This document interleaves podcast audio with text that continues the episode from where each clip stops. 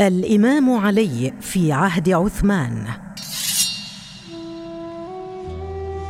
بعد وفاة عمر بن الخطاب الذي كان قد رشح ستة أشخاص للخلافة كان آخر اثنين بعد المشاورات التي حصلت عثمان بن عفان والإمام علي كرم الله وجهه. فتمت مبايعة عثمان بن عفان للخلافة. وتذكر الروايات أنه كان هناك خلاف بين عدة فئات فمنهم من كان يريد عليا ومنهم من كان يريد عثمان. في عهد عثمان كان الإمام علي يتمتع بمكانته الدينية والاجتماعية المميزة فكان عثمان دائم الطلب للمشورة من الإمام علي عليه السلام كما كان يفعل أسلافه أبو بكر وعمر. في هذا الوقت كانت السيطرة الأموية على بعض الأمور قد بدأت بوادر ظهورها فكان الإمام علي يكبح عثمان عن شن حروب يقتل فيها المسلمون بعضهم.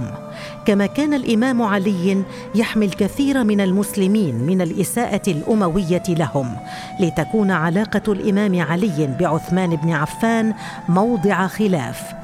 فالبعض كان يرى أن للإمام انتقادات منطقية جدا لسياسات عثمان. أما البعض الآخر فيرى أنهما كانا في توافق تام كما كان مع من سبقه من خلفاء. تقع الفتنة الأولى بين المسلمين حيث أن ثوارا قد جاءوا من الكوفة والبصرة ومصر يطالبون بعزل عثمان بن عفان. فكان الإمام علي هو الوسيط بينهم وبين عثمان وكانوا يذهبون إليه ليسمعوه شكواهم لما عهدوه عنه من رحابة صدر واتساع في الرؤية ويعطوه مطالبهم التي كان الإمام علي يحملها ويذهب بها لعثمان للنقاش فيها.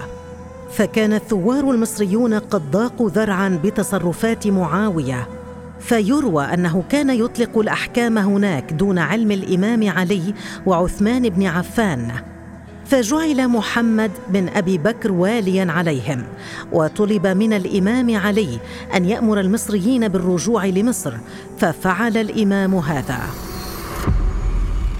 في طريق عودة المصريين لمصر. وجدوا غلاما أرسله مروان بن الحكم الأموي برسالة لوالي مصر باسم الخليفة حيث كان مضمون الرسالة أن يقوم والي مصر بالبقاء في منصبه والسماح له بقتل الثوار وسجنهم.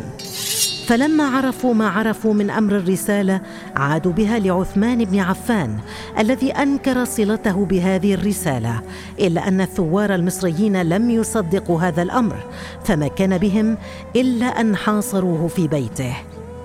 عند بداية هذا الحصار كان الإمام علي يؤم بالناس في الصلاة فأرسل الإمام علي إثر ذلك ولديه الحسن والحسين لمنع الثوار من اقتحام ودخول بيت الخليفة ليبعث عثمان إلى علي مرة ثانية يطلب منه أن يكف الثوار عنه. فذهب الإمام إليهم وعرضوا عليه مطالبهم التي تضمنت رفع الظلم عنهم وعزل الولاة القساة أيضا وأعطوا عثمان فترة من الزمن لكنه رفض هذه المطالب فعادوا وحاصروا عثمان في بيته ومنعوا عنه الطعام والشراب ليذهب الإمام علي معتمرا عمامة النبي الكريم ومتقلدا سيفه ومعه نفر من الرجال وعرضوا على عثمان قتال الثوار لكنه رفض هذا أيضا كي لا يراق الدم بسببه ليستمر الحصار مدة أربعين يوما. ويستطيع الثوار اقتحام منزل عثمان من الخلف وقتلوه. وتختلف الآراء حول مقتل عثمان بن عفان. فيرى بعض الناس أن عبد الله بن سبأ هو سبب الفتنة لأنه وكما يقال كان يهوديا يسعى لتدمير الدولة الإسلامية فكان يحرض الناس على القيام ضدها ومحاربتها. بينما يرى البعض الآخر أن سبب هذه الفتنة هي سياسات عثمان التي وسعت الفوارق الطبقية بين أفراد المجتمع الإسلامي.